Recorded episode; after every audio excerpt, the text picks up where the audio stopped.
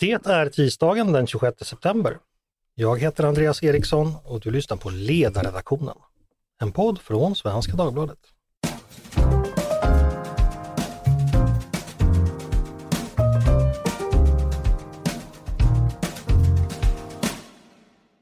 Varmt välkomna! Terrorism, det vill säga att utöva terror, enligt Svenska Akademins ordlista, att urskillningslöst bruka våld, oftast mot civila i politiskt syfte. Det är ett ämne som aldrig lämnar oss, varken som nyhetskonsumenter eller medborgare. De allra flesta av er som lyssnar kan minnas terrorism från alla perioder av era liv. Platserna, aktörerna, målsättningarna, detaljerna i dåden, de har växlat, men terrorismen har bestått genom decennierna. Men hur ser då terror och terrorism ut i praktiken när man som forskare undersöker? Vad går det att utifrån ett akademiskt perspektiv att dra för slutsatser om terror? Hur samverkar forskningen om terrorism med andra aktörer som förhåller sig till och bekämpar terrorism? Och vad finns det att lära av terrorismens historia, såväl här hemma som i andra delar av världen? Det ska vi tala om idag utifrån en nyutkommen bok. Den är skriven av Magnus Ranstorp, docent i statsvetenskap terrorforskare och strategisk rådgivare vid Centrum för totalförsvar och samhällets säkerhet vid Försvarshögskolan. Tidigare verksam vid Center for Study of Terrorism and Political Violence på St. Andrew University i Skottland. Eh, Magnus, eh, känd för läsarna förstås, som ofta återkommande skribent på ledarsidan och från flera regeringsuppdrag kring de här frågorna. Boken heter Från terrorns frontlinjer och innehåller förutom många berättelser om just terrorism också många spännande historier från, från författarens eget liv. Varmt välkommen hit Magnus Ranstorp! Tack, tack! Du, varför var det läge att skriva den här boken just nu? Hur kommer det sig? Man blir ju inte yngre eh, och jag är väl kanske inte lastgammal men eh, jag tänkte att eh, när, när historierna är färska och framförallt också under pandemin Eh, Eh, så är det väl bra att göra någon typ av bokslut innan man blir för gammal och man kommer inte ihåg alla de här historierna. Och eh, jag har också barn. Så jag tänkte, och jag har varit borta från dem väldigt mycket. Ehm, faktiskt var det så jag skrev i boken att min son som var tre år, han, han fick en fråga från sin förskolelärare, var pappa någonstans? Och så pekade han upp i himlen. oj då. Ja, och det kan man ju tolka på det sättet, men jag, var, jag, jag flög och, och jag, jag, flög ju väldigt mycket. Så Greta jag tror jag inte är speciellt glad eh, i att jag har varit ute så mycket och förorenat. Men jag var ute mycket runt omkring i världen och eh, det gjorde jag också från St. Andrews, sen på Försvarshögskolan, men också så hade jag, ett EU, jag har haft ett EU-uppdrag i relation till det nätverk som Cecilia Malmström startade 2011 som binder ihop alla praktiker som jobbar förebyggande mot våldsbejakande extremism. Det har varit väldigt många möten runt omkring i Europa. Men, okay. det, men det, var dags att, det var dags att göra ett bokslut. Och berätta för barnen vad du har gjort när du har varit ute ja, ja, precis. Men det finns också ett, ett annat skäl. Jag vill bara ta det kort. Och det är ju att jag kommer ihåg en tid innan 11 september, men vi har en helt ny generation som växer upp och tror bara att det har alltid varit en konfrontation mellan islam eller islamism och, och väst. Eh, och att eh, det finns en tid här innan där, där det, var, det fyllde faktiskt inte så mycket eh, i relation till, till, till terrorn. Då tänker jag framförallt på 70-talet mm. när, när du hade till och med ännu högre andel och antal terrorincidenter i Europa än vad vi haft eh, när det var som värst med IS. Mm. Ja, men det är väl värt att prata om och vi ska prata en hel del om tiden eh, före 11 september, framförallt 80 och 90-talet som då finns med i din bok. Mm. Men, men, men, min första fråga är, eh, du, du fick din eh, grundutbildning vid universitetet i USA har jag förstått ja. och sen så blev det en forskarutbildning i Storbritannien. Ja. Vad var det som lockade en ung nybakad forskarstuderande i slutet på 1980-talet att eh, rikta sin akademiska bana mot just terrorism? Ja, det var ju så faktiskt att um, um, under hela 80-talet för USA så var terrorismen en, en enda stor plåga. Um, du hade världens mäktigaste land som uh, var, ja, jag säger paralyserad i sin politik mot Mellanöstern. Vi minns alla Ronald Reagan, president Reagan, Hans största utrikespolitiska kris någonsin, när han nästan blev avsatt, var ju Iran-kontraskandalen med Oliver North, Sandinistas alltså och hela den här kohandeln eh, som skedde. Och det var ju för att få loss eh, den här gisslan.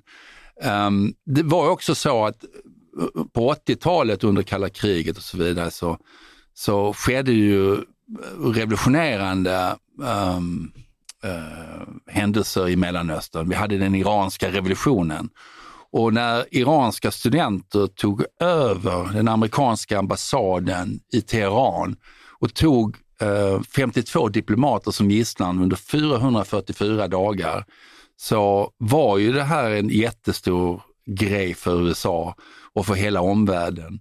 Um, den, här, den här gisslankrisen på ambassaden konsoliderade Eh, den, eh, det som blev då den islamiska liksom, revolutionen. Ayatollah Khomeini hade varit 14 år i Najaf, Irak, eh, hade utve utvecklat sin liksom, doktrin där och sen var han ett år i Paris innan han då flög tillbaka. Och det intressanta är att, att bara timmar efter Ronald Reagan um, kom till makten, eh, vann presidentvalet, eh, så släpptes den här gisslan eftersom. Republikanerna hade haft en egen kohandel bakom kulisserna eh, som också involverade Algeriet och då släpptes de här individerna. Um, fascinerande bok som är skriven av Gary Sick, October Surprise heter den, eh, som liksom kartlägger detta. Sen under 80-talet så hade du också um, i Libanon då när PLO skulle evakueras och då hade en, så att säga, en, multinationell brigad som bestod av USA, eh, Storbritannien, Frankrike och, och något annat land, Italien tror jag, eh, som skulle evakuera PLO. När, när de gick in med trupper och de var i landet så attackerades de av uh, Hezbollah, det vill säga Guds parti i Libanon. Och uh, de genomförde ganska stora spektakulära uh, terrorhändelser exempelvis självmordsattacken mot marinbarackerna i oktober 1983 som dödade, tror jag, 242 eller 243 marinsoldater samtidigt som man attackerade franska fall, äh, fallskärmsjägare. Ehm, deras högkvarter, jag tror 56-58 av dem dog där. Ehm, du hade kidnappningar av, under en, en period om, av mindre än tio år, 102 utländska um, journalister, diplomater, underrättelsepersoner i just Libanon. Um, så, så det blev liksom, det, det fanns en naturlig övergång där. Och, och sen då så skulle, så, så var det ju så att kalla kriget började gå mot sitt slut um, och då försökte man lösa upp den här gisslankrisen och jag kom in precis vid, den, vid det tillfället. Just det. Eh, för det du beskriver nu, det är ju länge sedan och det är kanske inte många som kommer ihåg att även 1980-talet, precis som du säger, präglades väldigt mycket av, av terrorhändelser. Du skriver ja. någonstans att du intresserade dig för hur terror och asymmetrisk krigsföring hade en så dramatisk effekt för USA eh, att USA som vid den här tiden var en än mäktigare militärmakt idag med enorma styrkor runt om i världen, ja. ändå kunde se hela sin säkerhets och utrikespolitik paralyserad helt enkelt av, av, av det här. Vi, ja det, det, var det som slog dig, hur terror verkligen kunde slå hårt mot till och med mot en supermakt. Ja men alltså det, eh, här har du liksom alla maktmedel äh, till förfogande och du har världens mäktigaste underrättelsetjänst och äh, och ändå låter du liksom en, en liten grupp män som kidnappar folk och håller dem, håller dem uh, gisslan under flera år um, paralysera hela din utrikespolitik. Du får då dra tillbaka dina styrkor. Uh, du, du är involverad i kohandel, även om du säger att du aldrig förhandlar och du gör aldrig några eftergifter. Men det visar sig efterhand att så var ju inte fallet, att olika länder, jag tror att Storbritannien var det enda landet som eh, höll liksom, uh, uh, principen fast. Um, um, de, de, de förhandlade aldrig på det sättet. Men men uh, det var fascinerande tid uh, där terrorn fyllde väldigt mycket och, och, och, och, det var ju flygkapningar, det var gisslantagningar, Eh, det var självmordsattacker började komma och då helt plötsligt så fick man ju eh, så fick ju amerikanska utrikesdepartementet, alla ambassader, de fick alla de här olika vad ska jag säga, skyddsåtgärderna så man inte skulle kunna begå de här självmordsattentaten. Mm. Vi håller oss kvar i Libanon. Eh, där bryter inbördeskriget ut 1975. Den, eh, Libanon, ja, staten går helt enkelt under så småningom. Landet Ja. kontrolleras av olika grupper. Ja. Israel går in 1982 Ja. och här grundas också Hizbollah eh, under inbördeskriget då, stött av Iran, en shiamuslimsk grupp. Och, Syrien, just- och Syrien. och Syrien. Ja. Och det är just Hizbollah som är föremål för din första forskning, alltså det är där du Ja. skriver avhandling kring. Varför det? Vad var det? Nej, men det var ju lite grann från den här eh, liksom enkla frågan eh, om USAs utrikespolitik pa- paralyseras. Varför förstår man inte den här gruppen individer? Och eh, jag, jag började kartlägga då Hezbollah och Hezbollahs kopplingar till Iran och Syrien och vad som fanns då i, i öppna källor, vad jag fick fram ifrån intervjuer, vad jag fick fram ifrån, eh, alltså på den tiden fick man ju verkligen forska den gammeldags vägen. Det kunde man inte googla fram utan man fick eh, fick titta i microfiche, man fick gå i arkiv, du fick intervjua diplomater, du fick intervjua även säkerhetstjänster, du fick eh, intervjua dem också som var gisslan, som har suttit gisslan. Och även också då den stora hjälten i min bok eh, som har den fantastiska eh, namnet en italiensk superdiplomat Gian Domenico Pico. Diplomatico Uno, så jag vet inte han kallas någonstans. Ja, alltså han är, han är ju en helt fantastisk man. Han, han två meter lång, eh, fantastiskt klädd som alla italienare i en, i, i, i en kostym. Um, väldigt charmig, men han var Peres Duquelias, det vill säga FNs generalsekreterare vid den tidpunkten. Hans vad ska jag säga, speciella man för speciella missioner. Han skickades in för att uh, lösa upp uh, Sovjetunionens tillbakadragande från Afghanistan. Han löste Iran-Irak-konflikten. Han var involverad i Cypernkonflikten, och tror jag han var hans första diplomatiska uppdrag. Och, och han fick då en fråga 1991 när man försökte lösa den här när, när de här gisslan inte hade någon, något större värde för Iran eller Hezbollah. När, när eh, det hade brutit ut fred i Libanon och, och, och, eh, man, man, och Iran behövde också skynda sig för att få eh, ett beslut av FN om vem som startade Iran-Irak-kriget. För då man ville, man ville få ett beslut att Irak var den ansvariga, vilket var det sista Perstequelia gjorde. Det var inom ramen för här, den här gisslanförhandlingen.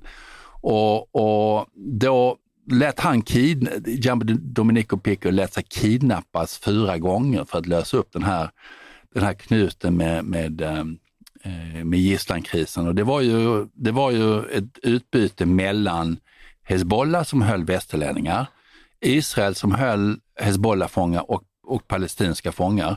Uh, och, um, uh, och, och, man lyckades då um, få till stånd uh, en typ av utbytesprocess. Och, och, han var min stora hjälte. Jag lyssnade på honom under den här processen. Det var fascinerande för jag höll ju på att studera samma frågeställningar. Och sen tio år senare så, så, så ringer han upp mig och säger Magnus, jag behöver dig. Så, och då Eh, fick jag flyga till New York och, och eh, då hade han en plan om att uh, han kunde inte åka till uh, Libanon för att um, förhandla en gisslansituation där man hade kidnappat tre israeliska soldater och en businessman, en israelisk businessman som hade blivit lurad och kidnappad till Libanon. Uh, utan han, jag gick helt under radarn och då skickade han mig istället för att, för att se om det fanns möjligheter till att ha någon typ av, av um, utbytesprocess. Det är lite intressant att du som akademiker och iakttagare plötsligt hamnar i praktiken där och ska ja. liksom vara någon sorts sändebud mellan, mellan eh, inofficiellt då, mellan Israel och, och Hizbollah i de här fallen. Men så där går det ibland till att man, man känner sig för lite med olika kanaler och sånt där och använder olika ja. mellanled. Det, så... det, var ju inte den enda kanalen som Nej. fanns och det var ju faktiskt så att i slutändan så lyckades inte vi, vi, även om jag hade intressanta möten och så vidare och jag hade också möten med israeliska militären, med, med familjer, anhöriga till de här gisslan. Um, och och um, den kanalen som sedan liksom tog över hela processen, det var ju den tyska underrättelsetjänsten. BND. BND ja. och BNDs man uh, som faktiskt var, um, uh, lång, han hade en lång karriär i Syrien och så vidare. Och han, han löste upp det till slut. men det var intressant i alla fall att man man eh, lyssnade och eh, man eh, ja, försökte få till stånd någon typ av, av, process. Det här är en spännande berättelse i din bok. Eh, man, man får läsa den för att få alla detaljer. Men eh, var det självklart för dig att ge dig in i praktiken på det här sättet? Med Alltså, jag- liksom egna risker och allt vad det innebär. Ja, Åka det- ner till Beirut, eller Beirut till Ja. Bekadalen, låta sig bli bortförd i bil och Ja, sådär. ja, ja, det var ju den andra gången. Jag hade ju haft det en gång tidigare då jag hade um, um, arkitekten för själva Israel-Palestina-processen, uh, heter Jossi Beilin. Um, uh, och um, han hade då börjat rikta sig mot att uh, Israel behövde dra sig tillbaka från, till, de hade ju en säkerhetszon i Libanon. Och det fanns en FN-resolution 425 som sa i princip att Israel ockuperade södra Libanon och de måste dra sig tillbaka. Men det gjorde de inte av olika säkerhetsskäl och, och en stor osäkerhetsfaktor var skulle, skulle Hezbollah fortsätta kriget? Eh, det vill säga, skulle de fortsätta över? Skulle de försöka eh, inta olika byar och så vidare om Israel drog sig tillbaka? Eh, det var, och det ville man liksom sondera, så att jag fick då uppdraget att um, etablera någon typ av um, kanal till, um, till Hezbollah och det var inte riskfritt, så då var jag lite orolig. Um, men efterhand då så, så gick det vägen och eh, man är ju naturligtvis, man försöker vara försiktig så, så gott det går eh, när man åker in i sådana här situationer. Um, det fanns ögonblick uh, när jag tänkte, okej, jag vet inte vad som kommer genom dörren, uh, om jag kommer att stanna kvar ett litet tag till. Jag trodde ju inte att de skulle söka kidnappa, men för de hade inte tjänat någonting på det. Eh, men eh, man vet ju aldrig, det är aldrig populärt kanske att komma och säga att ja, jag har haft kontakt med din största fienden. Nej. Men, men, eh, men det är ju liksom en kraftfull organisation. Den, den agerar tillsammans med den iranska revolutionära gardet. Den har en, den har en global räckvidd på grund av Iran. Och de har varit involverade i stora terrordåd. Eh, de var ju involverade i Burgas, de bombade en buss där eh, för inte så länge sedan. Eh, de ehm, var nere också och bombade i, i Argentina mot den israeliska ambassaden och en, en annan israelisk byggnad där nere som var av enorm omfattning. Ehm, det är en professionell grupp och jag kan säga att till och med efter 11 september, jag träffade ju de som jagade um, den största terroristen inom Hezbollah, Imad Madmugnia, eh, som jag nämner i boken. Um, och även om då 11 september hade skett så fanns det ju de inom amerikanska underrättelsevärlden som ville liksom hämnas uh, och ta ha tag i den här personen som hade dödat så många amerikanska soldater. Um, eh, så det var både fokus på bin Laden och al-Qaida och hela den biten, men det fanns också fortsatt de som, som eh, sökte efter Imad Mugnia. Och han dödades i Syrien tror jag, 2008. Mm. Han var också intimt förknippad med Soleimani som ni säkerligen har hört talas om inom iranska revolutionära gardet. Soleimani och Imad Mugnia tillsammans var liksom ett radarpar um, och um, de var mycket fruktade av amerikansk och israelisk uh, underrättelse. Vi ska snart fortsätta prata eh, Mellanöstern och 90-talet. Jag- Bara en fråga till om 80-talet. Mm. Jag har funderat mycket kring när det gäller den tidens terror och kopplingen till dåvarande östblocket. Ja, Idag vet vi att Ryssland underminerar många länder genom kontakter med ex- extremistgrupper. Vi vet att på den tiden DDR gjorde likadant i Tyskland när man stödde Rote arméfraktion och sådär. Vilken roll spelade Sovjet och östsidan för terror på, eh, med ursprung i- Mellanöstern under säg 80-talet? Vet vi det?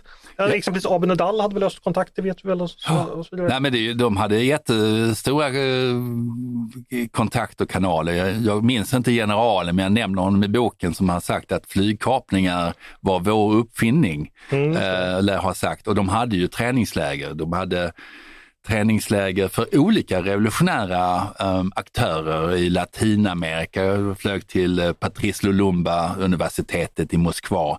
Du hade också Stasi var ju eh, en aktör som, som kontrollerade, sponsrade, riktade in eh, och alla de här palestinska grupperna fick stöd från, de var ju marxist-leninistiska många av dem och de fick ju stöd också från, från KGB och GRU. Och, Och, och tyska terrorister var ju nere och tränade i Mellanöstern. och också. tyska terrorister tränade, de genomförde till och med terrordåd tillsammans. Så att eh, det vilade liksom hela det här rastet av kalla kriget och Sovjet vilade över den här typen av terrorism. Och det sätter ju liksom allt i, i en ny dag, vad som hände på 70-talet med palestinska grupper och, och, och, och, även också de här andra vänsterorienterade grupperingarna. Så de har, de har spelat roll. Idag har de också, jag menar, om, man, om vi liksom tar fram bandet till idag, så har det ju funnits också avsevärda kontakter mellan eh, Ryssland och högerextremistiska grupper mm. där de försöker använda dels propaganda, dels påverkansoperationer för att söndra splittra genom mediekanaler, men också andra aktörer. Och sen har de, äh, har de eh, odlat kontakter med, med nazistiska grupper och äh, även också NMR som har fått träna i Sankt Petersburg i olika träningsläger och så vidare. Så det finns ju liksom äh, avsevärda kontakter som Ryssland har odlat för att försöka förstöra för oss. Mm. Ja, för jag tycker personen där är intressant för att de senaste 7-8 årens händelser med rysk påverkan mot, mot, oss nu, det är ju första gången jag upplever det i vuxen ålder. Så jag har ju fått ett annat raster över också 80 och 70-talet då, liksom, att, ja. Eh, att Ryssland numera återigen är på, på offensiven när det gäller sådana här saker. Så det, ja. det är veta någonting om. Mm. Eh, nämna en kort sak från 80-talet också. Eh, du beskriver ju då ett av de värsta terrordåden som, som, som drabbat eh, Europa. Det var ju då julen 1988. Sherman flight 103 sprängdes över Skottland. Ja. Samtliga 259 ombord dör mm. och ett tiotal människor på marken. Mm. Här finns det en intressant koppling till Sverige som inte är så ihågkommen kanske idag. Kan du bara berätta om den? Ja, det var ju, eh, det fanns ju ett par olika intressanta personer ombord det flyget, men vi hade Bernt Karlsson som var sändebud. Mm. Jag tror han skulle ner till Namibia och skriva på självständighetsdeklarationen. Mm. så att han, han var med ombord på planet. Lockerbie var ju intressant eftersom för mig, när jag kom till Skottland, så var ett av de första sakerna jag fick göra är att åka till platsen. Mm. Och jag kunde verkligen se, och jag, jag, jag, har väldigt målande scener i vad hände ombord på det här planet. Det var ett 290 ton plan som bara landade på den här lands... Mm. Som bröt sönder i luften? Och... Den bröt sönder i luften. Kroppar regnade ner. Och, och, kroppar regnade ner och, och, och uh, Uh, en, hel, en hel universitetsklass med 35 uh, uh, Eh, studenter från Syracuse-universitetet. De var ombord eh, och jag, när jag kom till den här lilla staden Lockerbie så var det liksom en tung sorg som vilade över hela den här lilla, lilla staden eller lilla byn kan man säga. Och vid kapellet då i den här staden så fanns, så fanns en, en bok med alla bilder på varenda offer och deras historia. Och det, det, blev så gripande att se det och sen hade inte heller staden liksom byggt upp uh, alla byggnader som hade raserat. Man kan bara tänka dig bränslet och 290 ton bara rasar ner, en motor rasar ner och förstör uh, och dödar 11 personer på marken. Och, och det ligger liksom utspridda eh, kroppar, ehm, um, 250-260 kroppar runt omkring eh, ehm, åkrar och och så vidare. Så det var ju liksom en fruktansvärd scen. Eh, och att det sen då var stater som hade gjort detta var ju, var ju blev ju också um, viktigt. Uh, USA och andra vill ju, vill ju hämnas på det här och få tag i de som var skyldiga. Um, vi visste inte riktigt om det bara var Libyen, för det fanns också misstankar om att USA hade skjutit ner ett passagerarplan, ett Iranplan, om det var som hämnd för det. Um, så det fanns liksom misstankar om Syrien, om Iran, Libyen. Sen landade bevisen på Libyen och mm. uh, då, det, var, det, var, det var en jätte, det var ett jättestort terrordåd och, och det fick konsekvenser också för flygsäkerhet och för, för, för andra eh, aspekter när det gäller säkerhet. Mm. Jag tror de flesta minns Lockerbie. Eh, sen dröjde det ett drygt decennium innan vi drabbades av ett ännu större terrordåd för att under 1990-talet, eh, vi har pratat mycket om Mellanöstern, det sker ju saker utanför Libanon, det sker saker i Sudan, i Afghanistan, i Saudiarabien. Mm. En, ja, olika nätverk som möts och träffas, en konsolidering av krafter här. Ja. När fick du upp ögonen för, för, den, för Usama bin Laden och hans nätverk? När, började man i dina kretsar inse att det här var någonting som agerade och kunde bli ett hot? 1993, eh, för då åkte en skåpbil in under ett av tvillingtornen och, eh, och då exploderade den och den dödade ganska många individer. Eh, men avsikten då var ju att störta störta ena tvillingtornet mot det andra. Det var liksom intentionen. Så att, och personen som gjorde det heter Ramzi Youssef och eh, Ramzi Youssef var, var släkt då med Khaled Sheikh Mohammed, själva hjärnan bakom 11 september. Eh, vi visste att folk åkte till träningsläger på mitten av 90-talet. Ehm, det hette inte al-Qaida då. Eh, ingen benämnde dem som sådan förrän efter 11 september. Ehm, de fick faktiskt namnet 1988 redan, men, men, men vi, det var liksom bin Laden och de utländska krigarna. Och, och vad vi också såg var, och det upptäckte vi ganska tidigt, var att det var utländska personer från Gulfstater, från Mellanöstern som reste ner till Bosnienkriget. Och, ja, och deltog där. Och, och, jag fick upp ögonen för de här kretsarna riktigt första gången genom att titta på, det fanns en, en hemsida som hette azam.com efter Abdullah Azam som grundade egentligen al-Qaida tillsammans och sen tog bin Laden över den. Um, uh, Eh, och den, det handlade om eh, Tjetjenien och eh, de krigare i Tjetjenien som även reste till Bosnien och begick övergrepp. Och, och det intressanta var Sen deklarerade ju liksom bin Laden och andra krig mot väst och USA. eh, 1996, sen igen 1998 och jag, jag, skrev om de här deklarationerna 1998. Um, ehm, um, och att västvärlden kanske inte riktigt förstod uh, kraften av att man hade fängslat en hög ledare som tillhörde den här, de här kretsarna. Sheikh Omar Abdulrahman, den blinda shejken ifrån Egypten som var som var ledare för uh, den egyptiska jihadistiska gruppen uh, Al-Ghamma Islamia, um, ehm, Al-Jihad. Och så vi visste redan då att de här krafterna fanns och USA, sen, sen bombade ju Al-Qaida USAs ambassad i, i Kenya och Tanzania. Ja, 1998. Ja, 1998. Sen hade du USS Cole 2000 Uh, USA bombade Afghanistan, så det var ingen jättehemlighet. Men det, man hade ju liksom inte fantasin att kunna tänka sig att sånt här skulle kunna ske. Och det intressanta är man hade upptäckt faktiskt en plan tidigare i samband då med den här planen 1993 att, att bomba um, tvillingtornen, att uh, det fanns planer också på att flyga in i, i CIAs högkvarter med ett mindre plan. Mm. Så att just den här liksom, att använda plan som, som verktyg eller som vapen um, fanns ju redan då. Men um, jag tror ingen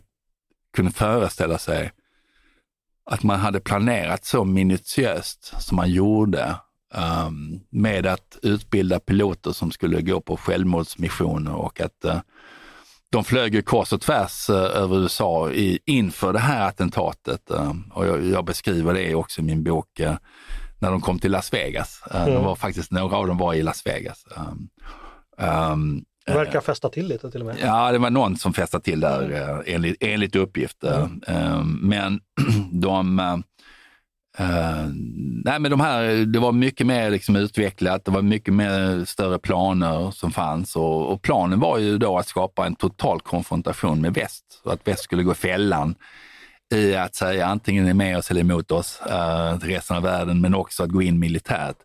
För det skulle bara gagna de här olika extremistiska krafterna. Och det gjorde USA. USA gick ja, in precis, i det Irak. låter som, som USA gick i fällan. För att ja. Du återkommer till det flera gånger i boken också, att invasionen 2003 var ett misstag. Mm. Störtandet av Saddam Hussein och den irakiska statsapparatens kollaps samt den fortsatta USA-ledda ockupationen av landet fick ödesdigra konsekvenser för extremismens utveckling, eh, skriver ja. du. Ehm, så att, eh, ja nu går det ju aldrig att veta vad, kontrafaktiskt vad som skulle ha hänt, men, men om, hur skulle USA agerat för att undvika? Kan man säga någonting? Alltså... Nej, det, det, alltså, de skulle inte gått in i Irak. Uh, problemet är idag liksom att vi, vi är för demokratisering, vi är för att försöka främja humanistiska och demokratiska värderingar, liberala. Eh, samtidigt då som vi har etablerade kontakter med repressiva regimer som håller befolkningen i schack. Och den befolkningen under ytan Um, där finns ju liksom ett, ett motstånd emot regimerna och då har vi islamistiska rörelser, exempelvis som Muslimska brödraskapet, som radikaliseras i Egypten eh, gradvis och som mynnar ut då i olika terrorgrupper som blir internationella i, i, liksom i, i grannländer. Um, så hur man, hur man får till stånd den här demokratiseringsprocessen på ett fredligt sätt som inte gör att det destabiliserar hela landet, det tror jag är en jätteutmaning i hela Mellanöstern. Jag, tror, jag, jag tänkte på, jag minns ju när, äh, när Syriens äh, äh, Hafez al-Assad, när han gick bort tänkte jag, okej, okay, vem kommer ta över efter honom? Och det blev hans son Bashar al-Assad. Mm. Uh, och det är faktiskt så att Iran och Hezbollah har ju hållit honom under armarna under det här liksom inbördeskriget och, och, och kriget som har, har också med mot IS. Um, ehm, och, och, uh, men, men, vi ser liksom inte, vi ser en, vi hade ju arabiska våren och det var ju liksom positivt, men då, då tog ju Muslimska brödraskapet över makten i Egypten och sen, sen tog de åter eh, den repressiva egyptiska staten, um, eller krafter tog ju över makten igen.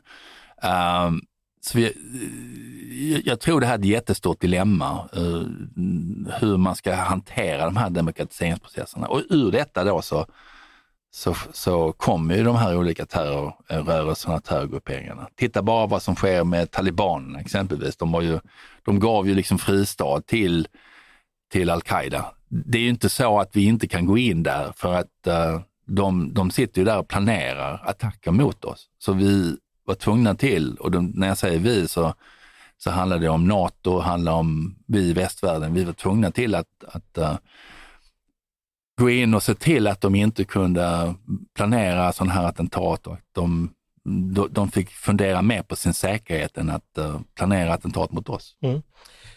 Du, eh, när allt det här händer ute i världen, eh, mm. så är, om vi återgår till ditt privata liv, så, så flyttade du hem till Sverige ja. 2005 och ja. eh, återvänt till Sverige. Du har ju bott utomlands i ganska många år då. Ja. Eh, hur mycket kontakt har du haft med Sverige och, och svensk offentlighet och sådär under den tiden? Eller var det väldigt, var det stor omställning? Ja, det var stor omställning faktiskt. Jag har ju liksom ha, om man har en anglosaxisk bakgrund och i Storbritannien kunde man diskutera saker och ting, eh, även om det var inlindat i ganska sofistikerat sätt.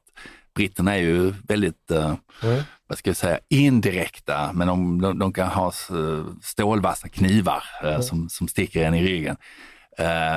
Men att, att det fanns en sån känslig debatt i Sverige. Jag kom hem också i en, tid där eh, du, du, hade liksom en, eh, vad ska jag säga, var, du hade ju Masoud Kamali och eh, utredningen om strukturell rasism, eh, där hela samhället, eh, slutsatsen var att hela samhället genomsyrades av, eh, av rasism. Det var Mona Sahlins utredning. Det var Mona Sahlins utredning, men sen också så hade du hela den här islamofobi-delen, du hade du hade också de två egyptierna som eh, togs av CIA här, vilket var horribelt att eh, vi utlämnade personer till Egypten, eller till CIA som sedan forslade dem till Egypten och de blev utsatt för förnedrande behandling.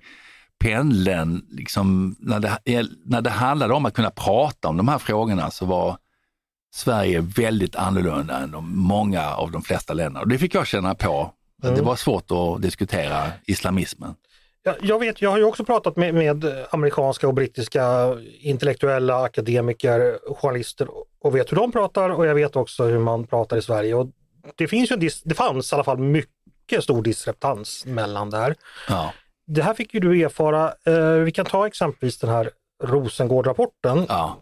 Kanske inte alla som lyssnar som minns den nu, men det var 2009 fick du ett regeringsuppdrag att helt enkelt undersöka Eh, hur läget var i Rosengård? Ja, en lägesbild i Rosengård. Hur, ja. eh, finns, det, finns det någon radikalisering och så vidare. Och det, det var ju inte en, en jätteutredning, det skulle vara som en bilaga i en eh, SOU, Statens offentliga utredningar. Ja. Och, och, uh, och, vi genomförde det. Vi, vi hade möten med staden, ett flertal olika seminarier. Vi, vi uh, intervjuade sedan 30 personer som av utpekade av staden som hade längst erfarenhet i de här områdena.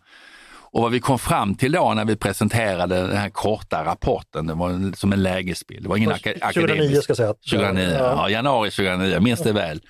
Då, då um, så, så fann man ju att uh, Alltså det är ju egentligen en lägesbild av vad som sker idag, det vill säga det finns hedersförtryck, moralpoliser, det var kraftigt överbefolkat.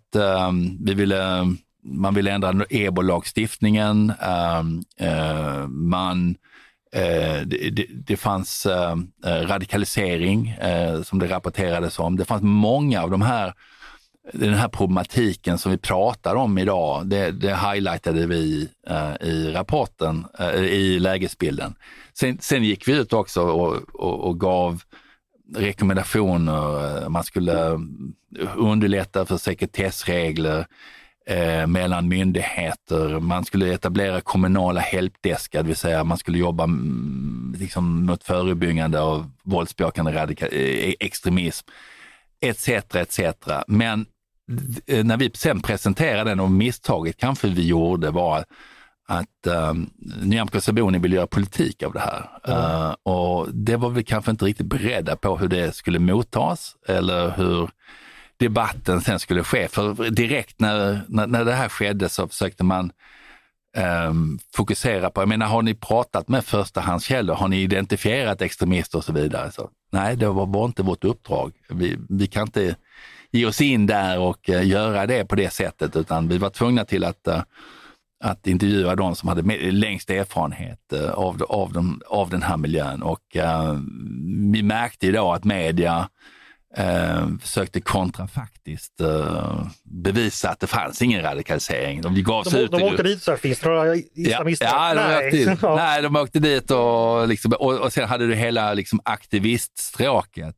Mm. De skulle göra sin egen Rosengårdsrapport. De skulle de, de skulle, och det, det, blev inte så mycket av det heller. Uh, och sen då så um, blev det någon, liksom någon, någon uh, konstig debatt där akademiker försökte attackera oss för att det var eh, um, akademisk undermål. Så Och samtidigt som vi försökte ta den här debatten um, så åkte vi till Indonesien um, för att, uh, för vi hade ett uppdrag för Sida för att uh, undersöka hur man bemöter radikalisering och extremism i Indonesien tillsammans då och vi skulle göra intervjuer med ledaren för världens största muslimska organisation. Så det var lite det var lite intressant att bli kallad islamofob samtidigt som vi etablerade kontakt och intervjuade ledaren för världens största muslimska organisation, som vi sedan tog till Sverige för att, um, ja, för, för, för, för att uh, föra en dialog. Hur kan man motverka mm. extremism? man kan ju säga att den här rapporten som, som, du säger, den är egentligen inte särskilt kontroversiell. kontroversiell. Den har ju bekräftats av många andra under den tid som har följt. Ja. Idag skulle kanske ingen reagera på det. Men det gjorde man ju då för att eh, det fanns en beröringsskräck. Ja, vi behöver inte hålla oss på det, men Nej. är det så att Sverige kan, kan, vi se att vi hamnade efter när det gällde konkreta åtgärder? Kanske inte på grund av att just er rapport fick det motstånd, men att de här krafterna och de här reaktionerna fanns? Jo, men de, det intressanta är att, att eh, att vår, reaktionerna för vår rapport ledde faktiskt till någonting. För vad, när Nyamko Sabuni då sa var, ja men om inte, vi, vi vill gärna veta uh, hur radikaliseringen finns. Och då gav man ett uppdrag till Säkerhetspolisen och mm. de gillade inte det här uppdraget. Uh, att man skulle kartlägga hur ser, hur ser den våldsbejakande extremismen ut? Och då gick man ut då och um, Eh, och ehm, ja, med, man gav siffror på hur många som fanns vid den här tidpunkten och så vidare. Det vill säga vad som hände då var att det började aktivera det här arbetet med att hur ser det ut? Hur ser det ut? Precis som vi kartlägger särskilt utsatta områden och hur, hur, hur det här ser ut. Hur ser de här miljöerna ut? Och, och, och, så det ledde till någonting. Men det stora problemet eh, var just den svenska debatten, att det var, fanns den här beröringsskräcken. Och det fanns ju från båda politiska blocken. Ehm, man ville inte ändra terrorlagstiftningen. Vi försökte föreslå att man skulle ha, eh, man skulle kriminalisera deltagande i terrororganisationer utomlands. Tyckte vi det var helt fullt rimligt, framförallt då när folk började resa till Syrien. Men det vill man inte göra. Och, och, och ehm, eh, man eh, kom långt efter eh, när det gäller liksom att satsa på förebyggande åtgärder. Då menar jag förebyggande på så sätt att försöka du kan inte bara jobba repressivt, det är ju jättebra, brottsbekämpande. Men du måste takta detta med förebyggande åtgärder. Men det fanns inget tänk i relation till förebyggande åtgärder som vi hade föreslagit i Rosengårdsrapporten exempelvis. Mm. Och vad vi då, vad vi då så, så mycket av, mycket av de förslagen som finns idag och de konkreta resultaten är vi rätt stolta över att vi har. Vi var faktiskt de som, som banade vägen för dels en strängare lagstiftning i relation till terrorbrott. Det är vi som var, var först med det. Vi föreslog även också um, att vi skulle skapa en nationell samordnare mot våldsbejakande extremism som sedan jag kritiserade för att den låg på kulturdepartementet och inte justitiedepartementet. Då flyttade, flyttades den över uh, och um, det ledde då till skapandet av Centrum mot våldsbejakande extremism. Det finns, de har gjort mycket bra, men det finns också mer som går att göras i relation till den förebyggande delen. Då... Så, så, vi, har legat, vi, vi, har legat hela tiden före och det är också dels, vi har, vi har, vi har hamnat efter på grund av debatten och käns, den politiska känsligheten.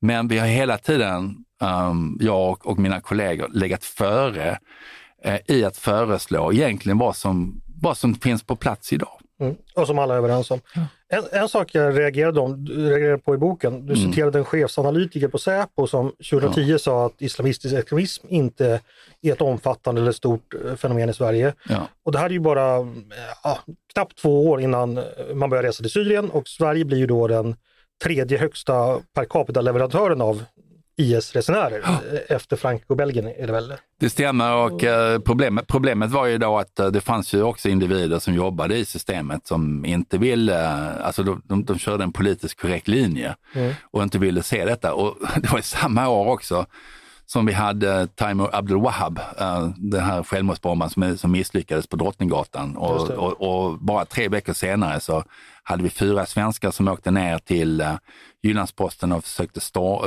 hade som plan att storma byggnaden, att uh, hitta redaktörer, halshugga dem, uh, kasta deras huvud ut genom fönstren.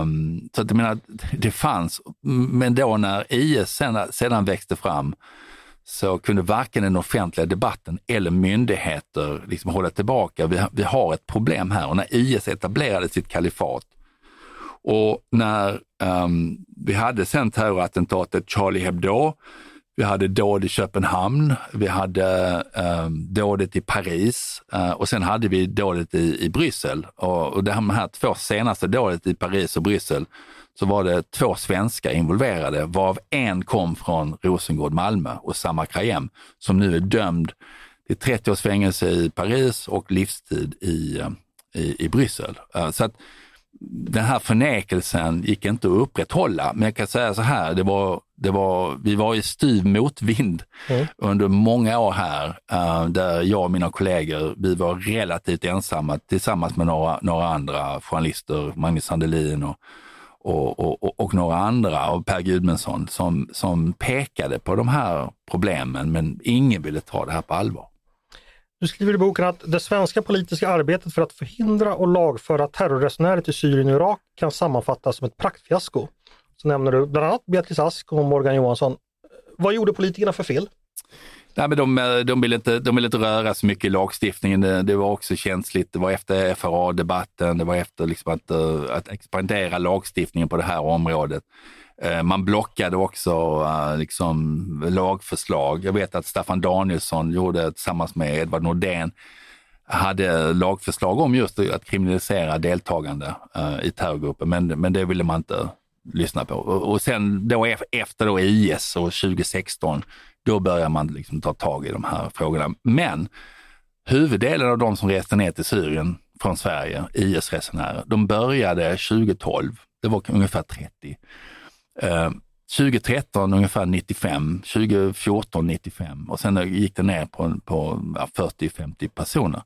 Det vill säga, hade du inte lagstiftning på plats när vi föreslog det så var det helt meningslöst. Du kan inte döma retroaktivt. Jag vill bara säga en sak i relation till det här. Vad jag är glad över är att vi har haft en sån driven um, åklagare på, som, som driver krigsbrottsmål mot de som har varit nere i Syrien. Um, Re, eh, Rena Devgun, hon är jättefantastiskt duktig och hon har varit drivande och en avgörande person som har sett till att åtal har väckts mot personer som har varit nere för just då krigsbrott. Mm. Eh, du har flera gånger kallats som vittne i, i rättegångar mot terrorister, både i Sverige och på andra håll. vad är det man vill att du ska berätta när, när du vittnar? Vad är man intresserad av då? Det har varit lite olika olika rättegångar. Ehm, ja, jag, ehm, eh, Eh, det har varit ofta kontexten eh, kring eh, vad betyder symboler, vad betyder olika dokument. Ehm, men jag har också vittnat i um, terrorrättegångar i exempelvis Norge. Ehm, jag vittnade mot uh, Mulla Krekar i, i, i, Norge. Då hade han uh, mordhotat en, en uh, person. Um, uh, Eh, så jag vittnade om, om kontexten kring um, de budskap som, hade, som han hade släppt eh, på, på, på internet. Jag har vittnat i IS-rättegångar i Norge också där jag har fått vittna om, var det möjligt att passera vissa passager in till Syrien och så vidare. Och det har jag, det har jag då forskat och tagit reda på. Jag har också tittat på terrorpublikationer, propaganda. Så det är ju mycket kontext i relation till det här. Men det är jätteintressant för att det är ju, man får vittna eh, och det är ju intressant när man, det, exempelvis när, när försvarsadvokater och så vidare försöker pricka hål i, eh, i ens eh, berättelse eller i ens analys. Eh, och ehm, eh, så det, det, har varit, eh, det, det, är ju liksom en intellektuell utmaning att eh, man vittnar till det man kan säga och du måste också göra det sanningsenligt. Det vill säga att du, du säger inte mer än vad du har täckning för. Um, jag var över till USA och vittnade mot en person som redan var terrordömd och som hade planerat ett terrordåd eller försökte få andra att utföra ett, ett, ett terrordåd. Eh, och då fick jag vittna om hur han hade varit en del av ett nätverk som jag hade skrivit om, Brandbergen-nätverken i, i, Sverige. Det vill säga de nätverken som, som var liksom uh, ryggraden för hur de, de den svenska radikalislamistiska miljön har liksom byggts upp i Stockholm och sen spridit sig till, till andra delar. Så att det varierar från olika fall. Um, um, det har också varit IS, IS-kvinnor som har tagit med sig barn till Syrien. Du har vittnat om uh, säkerhetsläget i Syrien, utvecklingen av, av IS och så. Mm. Eh, vi börjar närma oss nutid nu. Eh, du skriver någonstans att Sverige tidigare kanske inte var ett lika prioriterat mål för terror. Vi har haft hot riktat mot oss, men då har det ofta gällt Lars Vilks.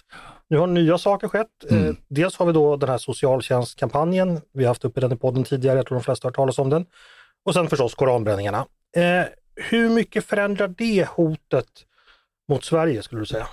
Ja, det är jätteintressant. Uh, bin Laden sa, tror jag, 2004 att Sverige var ingen måltavla på grund av, av, av dess hållning. Mm. Um, det är helt annorlunda idag. Vi är, vi är ett prioriterat mål på grund av att det har varit en väldigt negativ Sverigebild.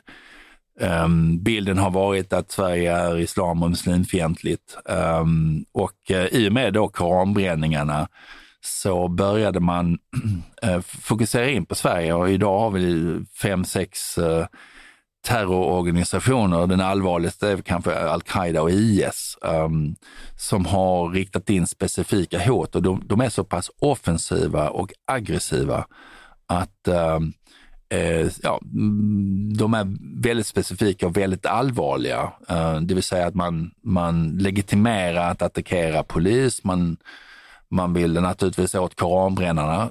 Det finns, eh, Al-Qaida la ut exempelvis eh, samma Mumikas adress och, och eh, telefonnummer och all, alla möjliga olika detaljer kring det, det här. Um, vilket gör att uh, när det är så pass mycket fokus på Sverige och när framförallt Al-Qaidas ledning och även IS ledning i Afghanistan, um, då då, eh, och med då uppmaningar till att genomföra attacker, då blir det allvar. Um, så vi, vi är ett helt annat säkerhetsläge nu. Det är aldrig bra, bra att bli omnämnd av de här kretsarna. Um, Danmark, titta på Danmark. När de publicerade Mohammed-karikatyrerna uh, 2005, fram till dags datum så har de haft uh, typ uh, 13, 14, 15 terrorplaner. Eh, och det är på grund av, eh, av karikatyrerna. Eh, riktade specifikt mot Kurt Westergård, tecknaren, men också Jyllandsposten och så vidare. Det här är ett brett hot mot Sverige som helhet, men även också från koranbrännaren till polisen, till andra delar och till Sverige som helhet. Och det handlar egentligen också om värderingskonflikter, för samtidigt som de bränner den svenska flaggan, eller danska flaggan och så vidare, så bränner de också prideflaggan. Så det, de, de är också fokuserade på värderingar. Vårt västerländska sekulära samhälle där, där demokrati, rättsstat, individuella mänskliga fri och rättigheter och, och jämlikhet står i fokus. Krockar mot religiösa normer, patriarkala strukturer och, eh, eh, och kollektivistiskt tänkande. Eh, och, de, det, är rätt stora krafter i detta. Vi är inte, det, är inte bara oss de fokuserar på, de fokuserar på hela väst. Du skriver ju också eh, om dagens högerextrema miljöer, ja. både bred och brokig. Där har vi ju sett många eh, ensamagerade gärningsmän som har radikaliserats i den miljön. Ja. Breivik som utförde det blodigaste dådet på nordisk mark någonsin var ju en sådan. Ja. I USA har vi sett massor med exempel på att man skjuter mot gayklubbar, man skjuter mot synagogor och ja. annat sådär. Ja. Hur, hur, ser du på risken från den typen av miljöer? Hur orolig ska man vara för den? Uh, vi ska vara väldigt oroliga för, för den miljön. Uh, det handlar ju inte bara om Breivik. Vi har haft uh, den här typen av eh, hot eh, tidigare och, och, den här hoten är både liksom högintensiv och lågintensiv. Den är lågintensiv för att de påverkar också um, de går ju på politiker, demokratiskt folkvalda personer, de uh, alltså extremisterna lever ju liksom lokalt, alltså de, de har en närvaro och den, den är väldigt otäck och väldigt hemsk och väldigt hatisk. Uh, men sen eh, finns det nu också högoktaniskt så att säga på eh, internet.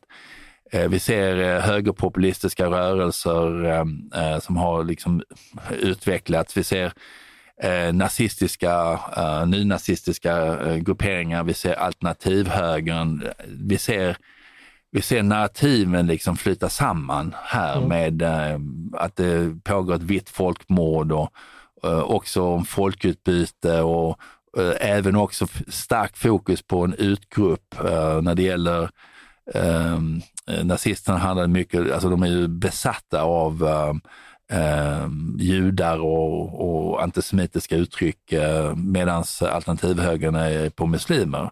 Så vi har liksom haft en, också en förskjutning av själva debatten på social media. Så social media har ju liksom expanderat räckvidden och eh, även också att det behövs kanske inte organisatoriska strukturer på samma sätt idag.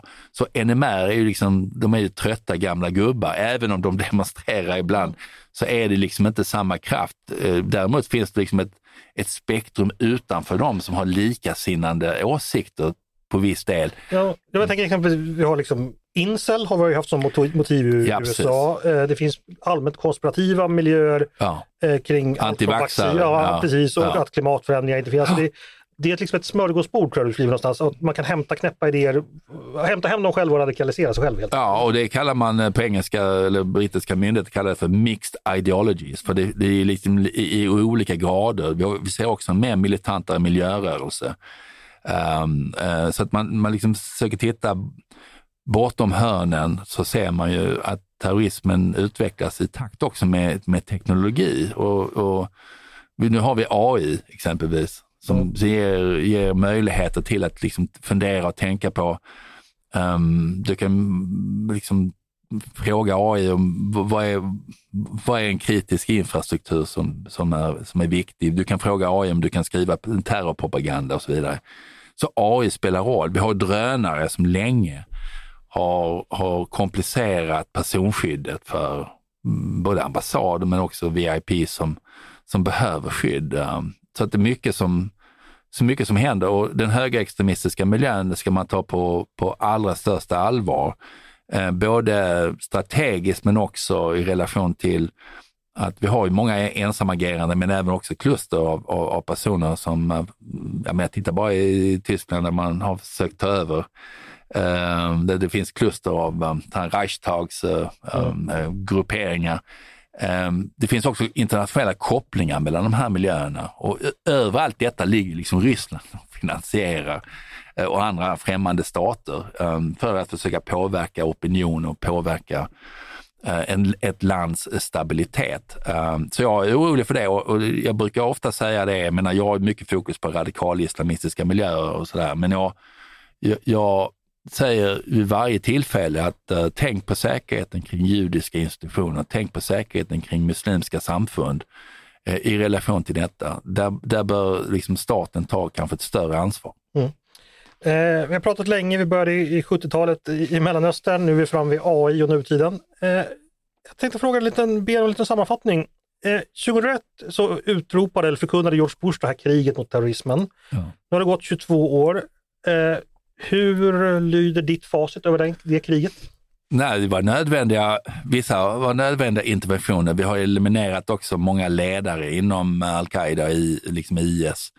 Så kriget eh, tuffar på. Uh, men det finns nya liksom, arenor. Uh, hela Afrika, Sahel, eh, är ett kaos där terroristgrupper tar mark.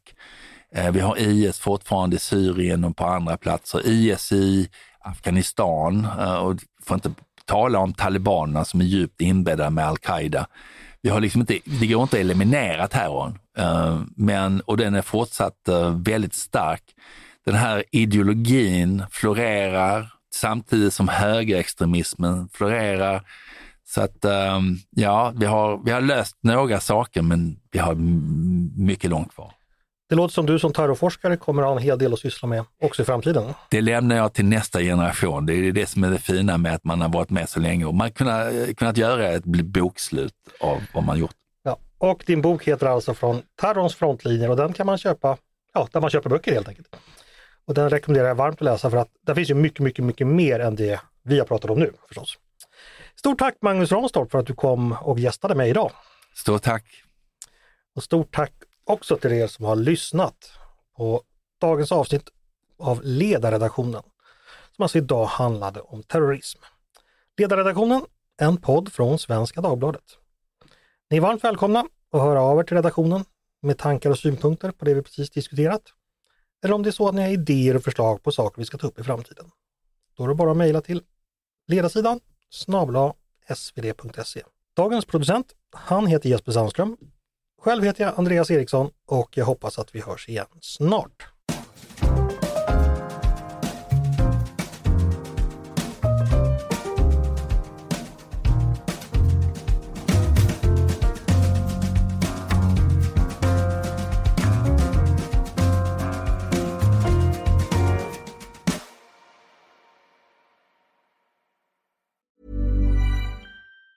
Get ahead of postage rate increases this year with Stamps.com. It's like your own personal post office. Sign up with promo code PROGRAM for a four week trial plus free postage and a free digital scale. No long term commitments or contracts. That's Stamps.com code PROGRAM.